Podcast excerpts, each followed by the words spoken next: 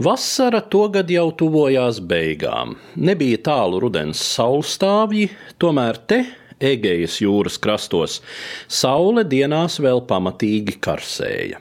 Ļoti iespējams tā bija arī todien, kad vientuļš skrējējs mēroja ceļu cauri kalnainajai Attikas zemei no maratonas lauka līdz Atēnām.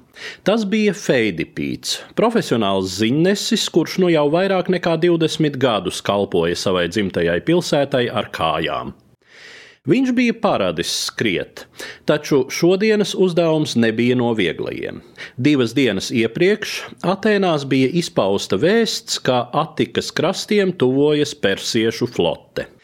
Pilsētnieki tūdaļ nojauta, ka Lielās Āzijas impērijas valdnieks Kserks nolēmis reizi par visām reizēm atrisināt problēmas savas lielvalsts rietumu nomalē.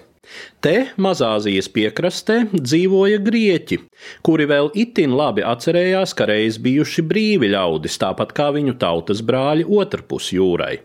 Tikai dažus gadus iepriekš persieši bija apspieduši vairākus gadus ilgušo jauniešu sacelšanos, kuras laikā Atēnas atklāti atbalstīja dumpiniekus. Tātad, lai galu galā panāktu stabilitāti impērijas rietumu pierobežā, robeža bija gluži vienkārši jāpabīda vēl tālāk uz rietumiem, pakļaujot atlikušos brīvos grieķus. Uzzinājuši par gaidāmo iebrukumu, atēnieši sūtīja Feidipīdu uz Spartu, aicināt izslavētos spartiešu karotājus palīgos. Divās dienās ziņnesis bija veicis 240 km, nogādājot atēniešu vadonim Miltjādam ziņu, ka spartieši valdnieka Kleomēna vadībā jau steidzas kaimiņiem talkā. Tomēr bija par vēlu. Persieši jau kāpa malā, un Miltjādam nācās izcīnīt cīņu ar viņa rīcībā esošajiem atēniešu spēkiem un nelielo kontingentu no sabiedrotās plātējas pilsētas. Persieši bija skaitliskā pārsvarā, bet viņi bija tikko izkāpuši no kuģiem, nebija rēķinājušies, ka grieķi tik ātri būs gatavi kaujai, un vispār laikam gan bija noskaņojušies uz ātru un vieglu uzvaru, kā jau pasaules superlielvalsts armija, kas ieradusies, kā viņi domāja, soda akcijā salīdzinoši niecīgā kaimiņu zemē. Tas izrādījās persiešiem liktenīgi. Atēniešu disciplinētā ierinda ātri ielēca persiešu masu dzelžainā gredzenā, un jau visai drīz iebrucēju rindās sākās sajukums, kas pārauga panikā. Grieķi vajāja tos, kuri mēģināja aizbēgt līdz kuģiem, un nežēlīgi apkāva.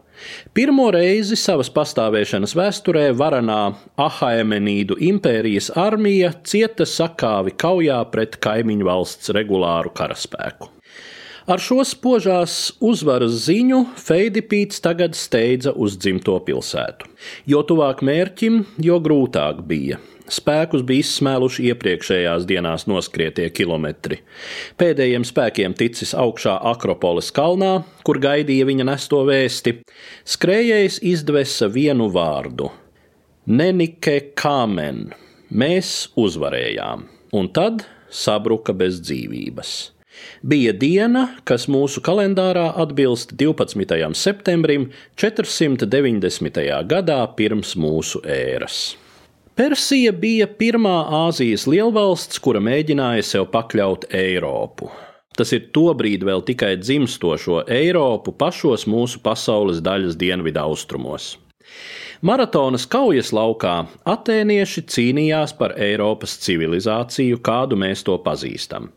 Un pat ne tik daudz tāpēc, ka persieši būtu mērķtiecīgi to centušies iznīdēt. Starp citu, Persija bija arī pirmā lielvalsts, kura nenodarbojās ar pakļauto tautu brutālu iznīcināšanu un to saudabības izdeldēšanu.